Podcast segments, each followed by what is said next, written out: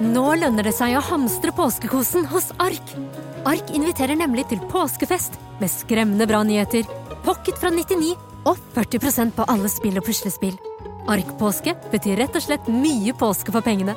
Så fyll opp med påskens favoritter i nærmeste Ark-butikk eller på ark.no.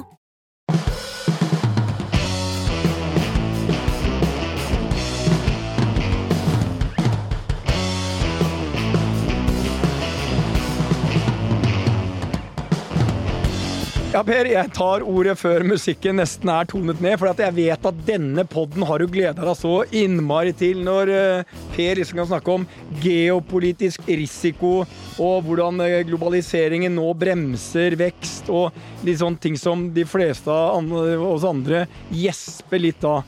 I en verden der det er bekymringer nok til alle, så tar vi Pers favorittema. Da koser jeg meg, vet du. Når det, Koser vi oss! er, når det er usikkerhet og store endringer, da koser jeg meg. Ja.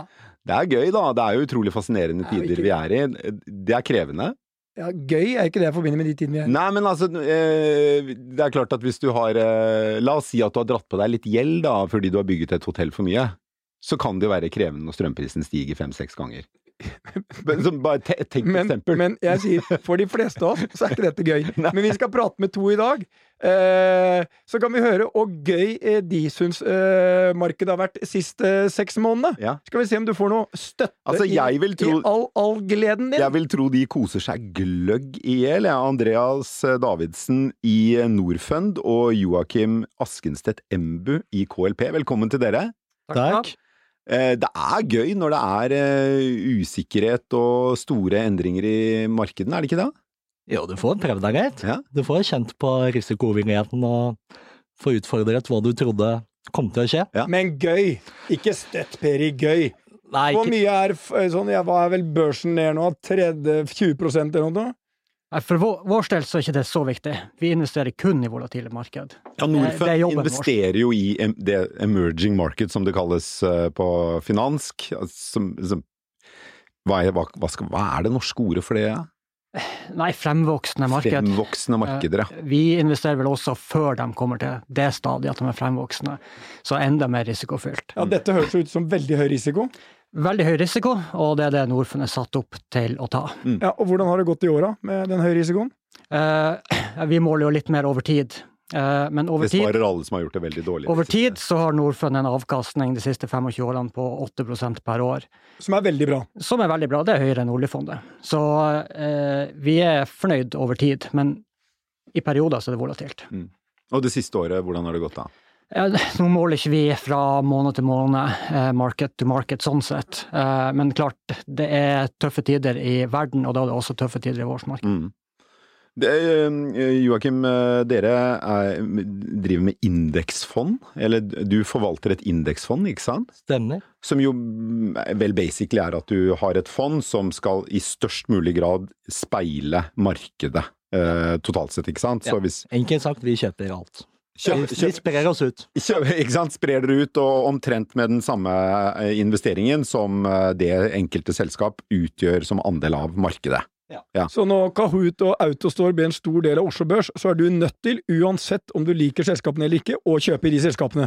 Da er jeg investert. Det er ikke alltid jeg kjøper akkurat når børsen eller indeksen sier jeg skal kjøpe, men eh, Ja. du, du kan være trygg på at vi kommer. Men da får vi et mye bedre svar. Som indeksfond, hvor da er du bare i Norge, eller er det Norden-indeks? Vi er Norge, Norden, developed markets og fremvoksende markeder. Men la oss ta. Norge og Norden. Ja. Er de ned mellom 20-30% hittil i år? Eh, Norge er jo ikke så gæren i år, fordi Men- oljen men, har eh, reddet oss Equinor, inn- inntil, inntil nylig. Så Norge er vel ned en 5-6 når vi snakker nå. Mm. Norden har jo hatt det veldig tøft, da. Svensk eiendom og sånn. ikke sant? Ja, vi er, eh, vi er nesten nede der. Ja. Norge er har vel ned litt mer nå, er det ikke det? Ja, Norge har dyppa under null nå, så nå er vi på minus 5-6 da. Ja, ja. Så langt i år. Ja, Ja. hittil i år. Men hvis du tar bort øh, Equinor øh, fra den øh, Hvordan ser det ut da? Er det sånn Det tør jeg ikke å regne Nei, nei, for da tror jeg tallene ville Det er sånn Du sitter i indeksdelen, og Equinor er vel en ganske stor del av den indeksen nå. Ja, det er en fjerdedel, faktisk. Ja. Det er enormt. Ja. Så det er klart, eh, når vi vet hvordan Equinor har gått, så kan jo de fleste Du bør liksom ikke være professor på Harvard Business School for å se at det, det har vært et massaker på resten da. Altså, verdensindeksen er jo ned 22% i år. Eh, Du kan jo tenke de enorme verdiene som er blitt borte i løpet av de månedene. Kjenner dere er, er, sånn, er, bare sånn, er det sånn kundene ringer dere liksom og eh, Og det her er- må vi være ærlige. Eh, Liksom, Andreas, er det noen kunder som ringer og er bekymra? Ja, du, vi har én kunde, og det er den norske stat. Eh, Så vi er 100 eid av den norske stat. Ja, nei, da der får dere ikke noen telefoner. De er ikke veldig Eh, bekymra. Eh, De har et langsiktig perspektiv. Så vi er jo satt opp for å skape arbeidsplasser i markeder der det er lite tilgang til kapital. Så det er hovedformålet til Norfund. Så Gi meg Eh, land du investerer i. Vi investerer i nesten alle land sør for Sahara-Afrika, utvalgte land i Sørøst-Asia og utvalgte land i Latin-Amerika. Så vi har, Her, er, vi har her snakker vi om å balansere på slakk line. Ja, vi har mange vanskelige prosjekter, det er ingen tvil om. Men eh, vi har også relativt høy avkastning i snitt. Eh, så eh, til nå så har staten skutt inn 20 milliard kroner, og så har vi ca. 20 milliard som er verdiskapning over perioden. Så vi forvalter opp mot 40 milliard eh, kroner i dag. Eh, Men um, Like mye, mye som et kvarters inntegning på Equinor. Eh, dere eh, ord. Ja, vi burde få mer. Ja. Norfund passer jo veldig godt inn i det som er som noe av grunnen til at jeg syns dette er så fascinerende tider. Da. Den deglobaliseringen som har pågått en stund, men som virkelig har skutt fart etter, eh, etter pandemien, og ikke minst eh, krigen i, i Ukraina. Eh, eh, hvordan eh, påvirkes fremvoksende markeder av den deglobaliseringen? Jeg kan starte. Vi ser jo at eh, det er en enorm interesse av å diversifisere sin supply chain. Mm. Eh, Så det er mange arbeidsplasser som skal flyttes fra eh, Sørøst-Asia, og spesielt Kina, Mm. til Afrika over de neste ti årene. Eh, Det er mange millioner arbeidsplasser. Eh, Så for vår del så er det en stor fordel. Vi, vi investerer i eh, produksjon, manufacturing, i Afrika. Og vi ønsker at de her arbeidsplassene skal til Afrika. Så for vår del så ser vi en enorm mulighet i det i det. Som, eh, litt uh, Joakim, det er sånn eh, Som jeg sa, at det, er nok bekymringer for alle om dagen. Eh, her kan man bare velge og vrake eh, hvilke bekymringer man vil ta eh, og konsentrere seg om. Men eh, KLP, litt du får korrigere meg om jeg husker feil, dere besluttet at dere skulle trekke dere ut av Russland. Men hva skal til for at dere gjør en sånn land-til-land-vurdering og trekker dere ut av ett spesifikt land? Var det kunder som ringte dere, eller var det sanksjoner som gjorde at dere måtte gjøre det, og hvilke vurderinger gjorde dere? Det var en veldig spesiell eh, sak. Vi pleier jo, når vi ekskluderer og tar selskap for selskap, så har vi som over- overordnet policy at selskapene i seg selv er ikke ansvaret for myndighetenes politikk. Noen ganger så klarer vi ikke å skille selskapet og myndighetene, fordi myndighetene eier stor del av selskapet osv. Mm. Men i utgangspunktet så ser vi på hvert selskap. Men så hadde jo Russland, da. Det, for oss begynte jo det i 2015, annekteringen av Krim. eh, Hvor en del russiske selskap ble sanksjonert. Mm. De fikk ikke lov å hente inn ny kapital i Vesten.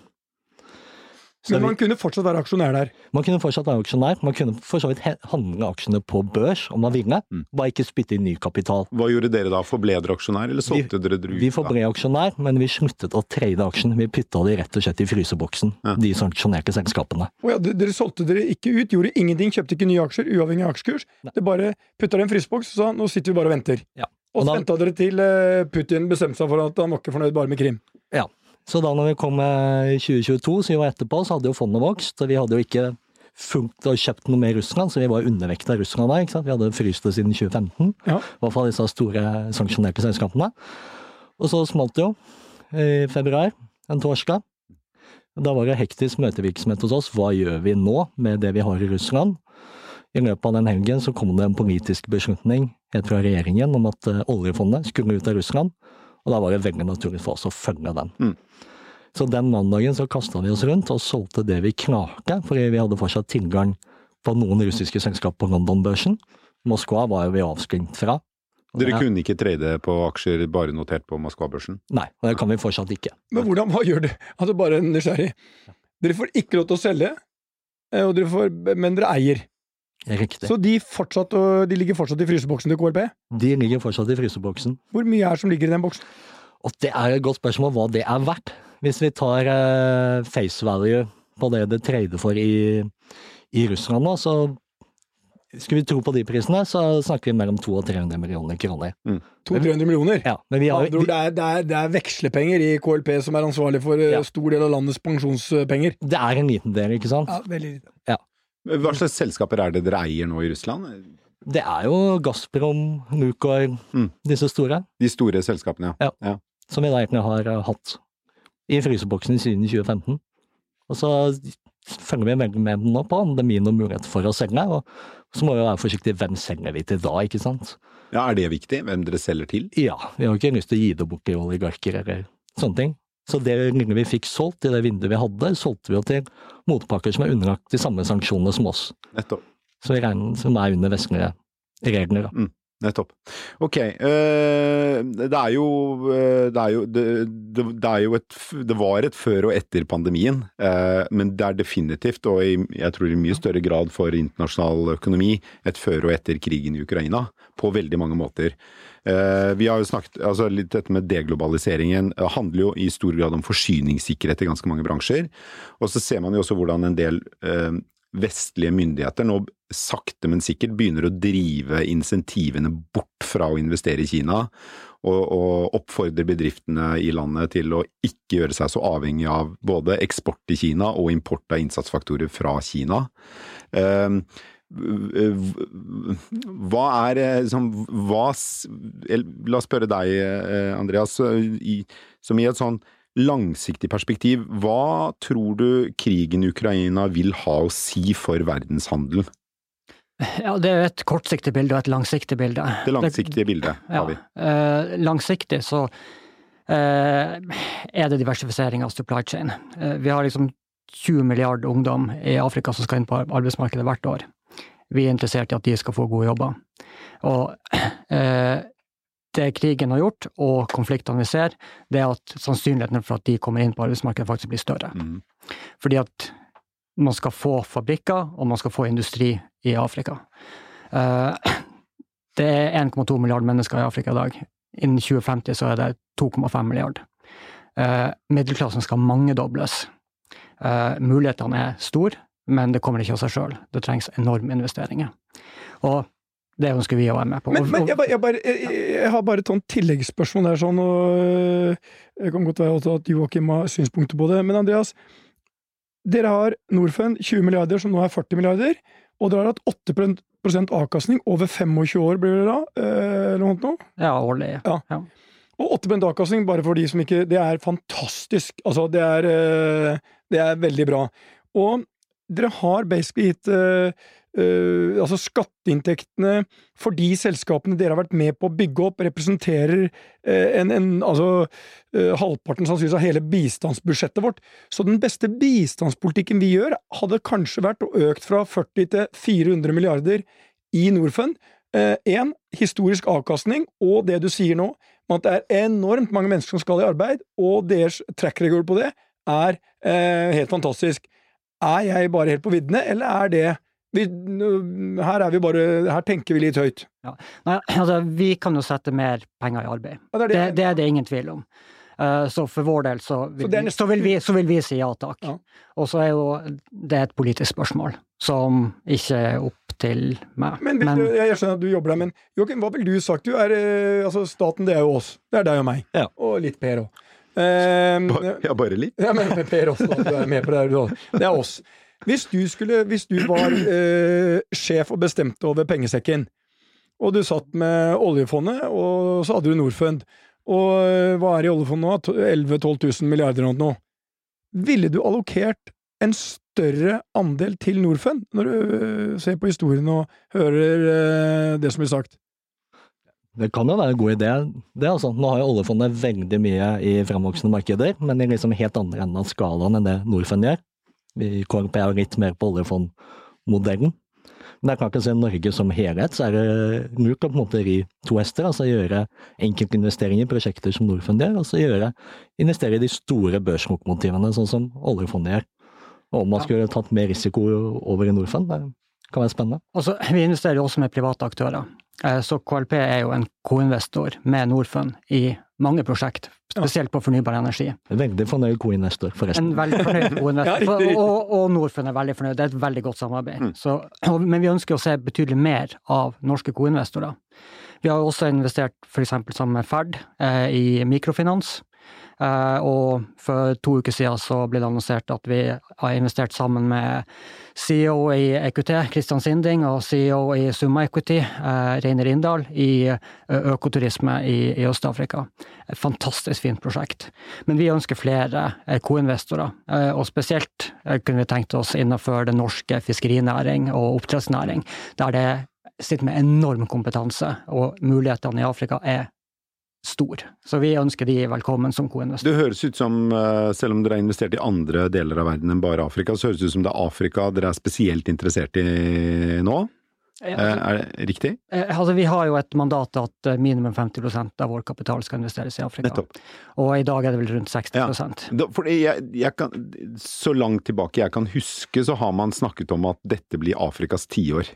Eh, og i tiår etter tiår så har det ikke blitt det. Det har blitt det i, i en del av de tiårene så har det vært Kina. Nå er det jo også India man snakker om, som at dette blir Indias tiår. Selv om det har man også hørt mange ganger før. Tror du at dette er Afrikas virkelige mulighet? Vi får da snakke om Afrikas århundre. Da tror jeg man begynner å treffe litt mer, for ting tar tid. Eh, Men hvis vi ser litt lenger frem, bare innen utgangen av dette århundret, så skal de tre største byene i verden de kommer til å være i Afrika. Du har Lagos som den største i verden, med estimert 88 millioner innbyggere. Det her er ikke noe smågreier mer. De kommer til å bli en supermakt Mm. i verdenssammenheng. Eh, Det er det liksom ingen tvil om. Man trenger ikke å gå liksom være helt Hans Rosling uh, for, å, for å se det. Uh, det Nei, går men i man kan jo riktig være en retning, men det folkerik tar nasjon, tid. men ikke være en makt. Men det er ganske Ja interessant. Analysen til Hans uh, var ganske interessant, for jeg tror den allmenne oppfatning av Afrika er eh, diametralt motsatt til analysen til Hans Rosling. Ja. Han sa basically alt blir bedre, og alt har blitt bedre de siste 20 årene. Og gjør en lineær utvikling av dette, så, så vil jo du Da vil jo det er, Her er tidevannet løfter alle båter. Ja. Men du har jo en del utfordringer med betydelig, i de- den delen du snakker om, betydelig korrupsjon. øh, Politisk risiko. ja, stor politisk risiko. Eh, hva tenker dere rundt de tingene? Altså det, det er jo en enorm volatilitet Ja. i, i enkeltmarked. Uh, så du har land som kan gå bra i fem år, og så kommer det inn en litt gæren leder, og så går det til helvete. Har du noen gode eksempler? Uh, Zimbabwe er jo et klassisk eksempel, Ja. Uh, der det etter mange år gikk dårlig, og så trodde man ting skulle endre seg når Mugabe forsvant, og så kom det inn en ny gærning. Ja. Og dere var på full fart inn etter Mugabe og tenkte nå blir det bra. yes, Så gikk riktig. du fra en gærning til en enda gærnere en. Ja, ja. Eh, Men så har man også land der man ser at eh, det motsatte skjer. Eh, Veldig positiv utvikling, sånn som Zambia i dag. Botswana. Botswana har på mange måter alltid vært litt, litt sånn stjerna. Vi Det er vel Afrikas rikeste land med ganske god Ja, margin få etter, etter BN. Ja, men få mennesker, BN. mye, mye diamanter. Ja, men, men ganske veldrevet og men- la, har lavere politiske. Men ja, de har klart å eh, gjøre sånn at de diamantene ikke tilhører kun Ja. eh, noen få. Så det er et fantastisk eksempel. Eh, men vi har også eh, Tanzania er nå på vei opp. Eh, Kenya er litt stjerne i Øst-Afrika. Ghana, stabilt eh, demokrati over 30 år, eh, i riktig retning. Og så har man mange der det i dag er vanskelig. Mm. Eh, sånn som Nigeria er, er kom, veldig komplisert. Etiopia. Men dere er i de landene også? Vi er i de landene nå. Vi har investert i de landene. Du, vi må, eh, som man pleier å si på TV-nyhetene, vi må hjem igjen. Eh, Ja. Det er veldig spennende, da. ja, det er kjempespennende. Våre penger er investert egen- i en rekke områder jeg ikke var eh, så, øh, hadde så mye Ja, det er superinteressant, og kanskje vi skulle ha en Afrikasending en gang? Ja, Den kan jo du ta alene, for jeg, fikk, jeg minner meg om at jeg fikk eh, eh, en noen i geografi. Ja. Men eh, eh, til hjem igjen, da. Nå har vi jo i, i Norge så mm, eh, har man jo sett uh, renta steget mye, og på siste rentemøte så steg den jo med 50 punkter, som det heter, altså 0,5 prosentpoeng. Uh, og det er ventet at den skal stige enda mer, samtidig som strømprisene er på vei opp. Og, eh, og så har jo aksjemarkedet her i Norge holdt seg veldig eh, godt. Mye på grunn av oljeprisen og gassprisen, som vi snakka om. Men eh, eh, kommer det til å se eh, Blir det verre, Joakim? Blir aksjemarkedet eh, virkelig ille nå? Det er vanskelig å spå. Det vi trygt kan si, er at frykten er større enn på lenge. Disse såkalte fryktindeksene er jo i taket. Mm. Um, så det, det, er mye vanskelig å, å si hvor, hvor, hvor, dette ender, men uh, at det kan bli bumpy, det, det er viktig. Ja, bare så, sånn så, bare forklar det. Det er sånn du spør masse ledere hva tror du om fremtidsutsiktene, og så blir man positiv eller negativ. Ja, og I finansmarkedene så kan du se hva det koster å kjøpe en forsikring mot børsfall. Ja. Ja. Hvor dyr er den, og så kan du regne ut hvor eh, Og jo dyrere den forsikringen er, jo mer, høyere er usikkerheten. Ikke sant. Ja. ikke sant. Så for KMP så er det jo viktig å bare spre pengene. Vi er ganske forholdsvis risikoavers i neste år. Vi skal alltid ha nok penger til å betale pensjoner neste måned. Så selv om vi er langsiktige, så skal vi møte kortsiktige betalinger òg. Så for oss er det å spre seg ut som er eh, nøkkelen, og det er både Norge og developed markets og fremvoksende markeder. Som du sier, altså noen, noen år så er det India som går. De eh, siste ti år så er det Taiwan som har vært den store vinneren. Mm. Ja. Men, men, men bare sånn, uh, Andreas, hvis du ser nå uh, på de neste tolv månedene Vi har mange som hører på poden som lurer på hva skal vi gjøre, liksom.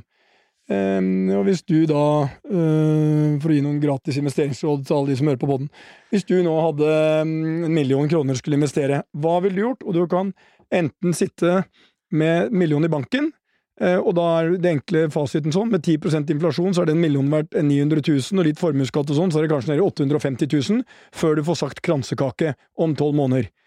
Andre alternativet er å begynne å putte pengene, sette pengene i arbeid. Hva ville vært ditt tips? Nei, Historisk sett så har vel hatt penger i arbeid vært uh, veien å gå. Uh, men nå er vi litt inne på et område som er utafor mitt kompetansefelt. Ja, men altså det eh, Per og jeg snakker om uh, ting som er utenfor vårt kompetanse. det plager ikke Potter og meg i det. Nei, altså, vi er sånn er usikker, hev røsten. ja, men tolv måneder det er kort perspektiv i investeringer, spesielt i volatilt marked. Så hvis du trenger de pengene om tolv måneder, så, så, blir det vanskelig. hvis du klarer å ha litt lengre perspektiv, Eh, så kan tidspunktet for å gjøre investering være god nå. I hvert fall i enkelte sektorer som har falt enormt. Hvilke sektorer er det?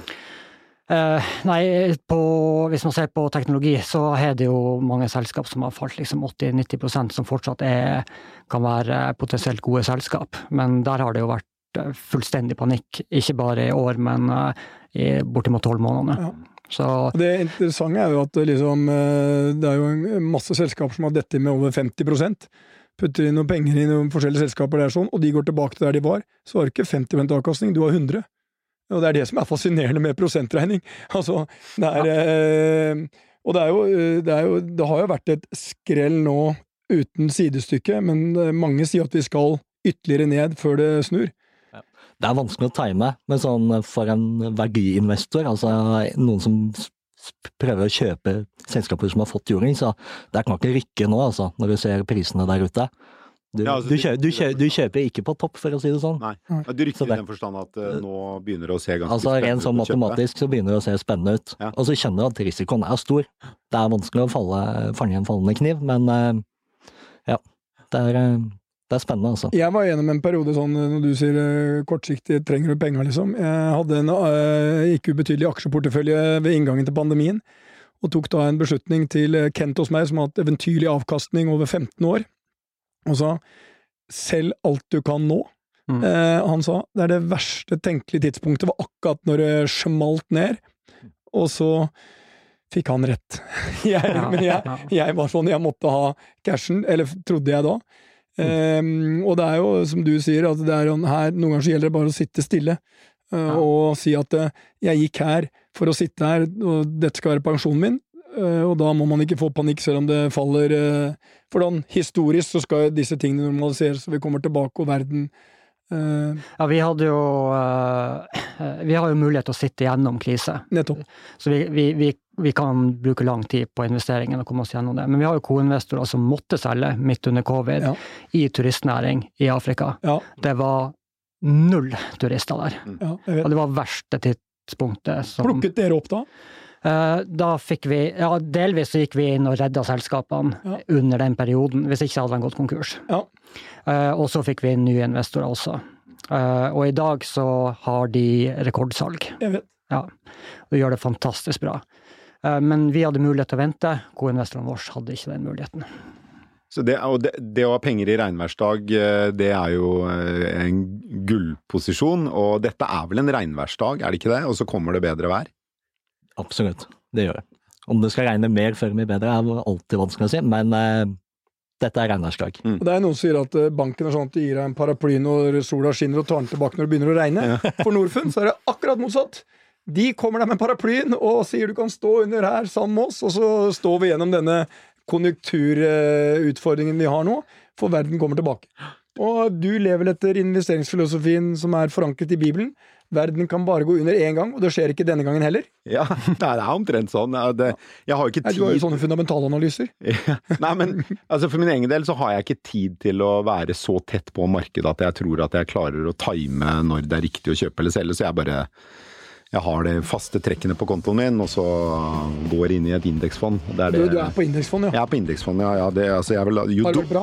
Eh, jeg har ikke sjekka på lenge, faktisk. Jeg vil tro at det siste året ikke har vært så veldig bra. Men jeg skal jo ikke bruke pengene nå uansett.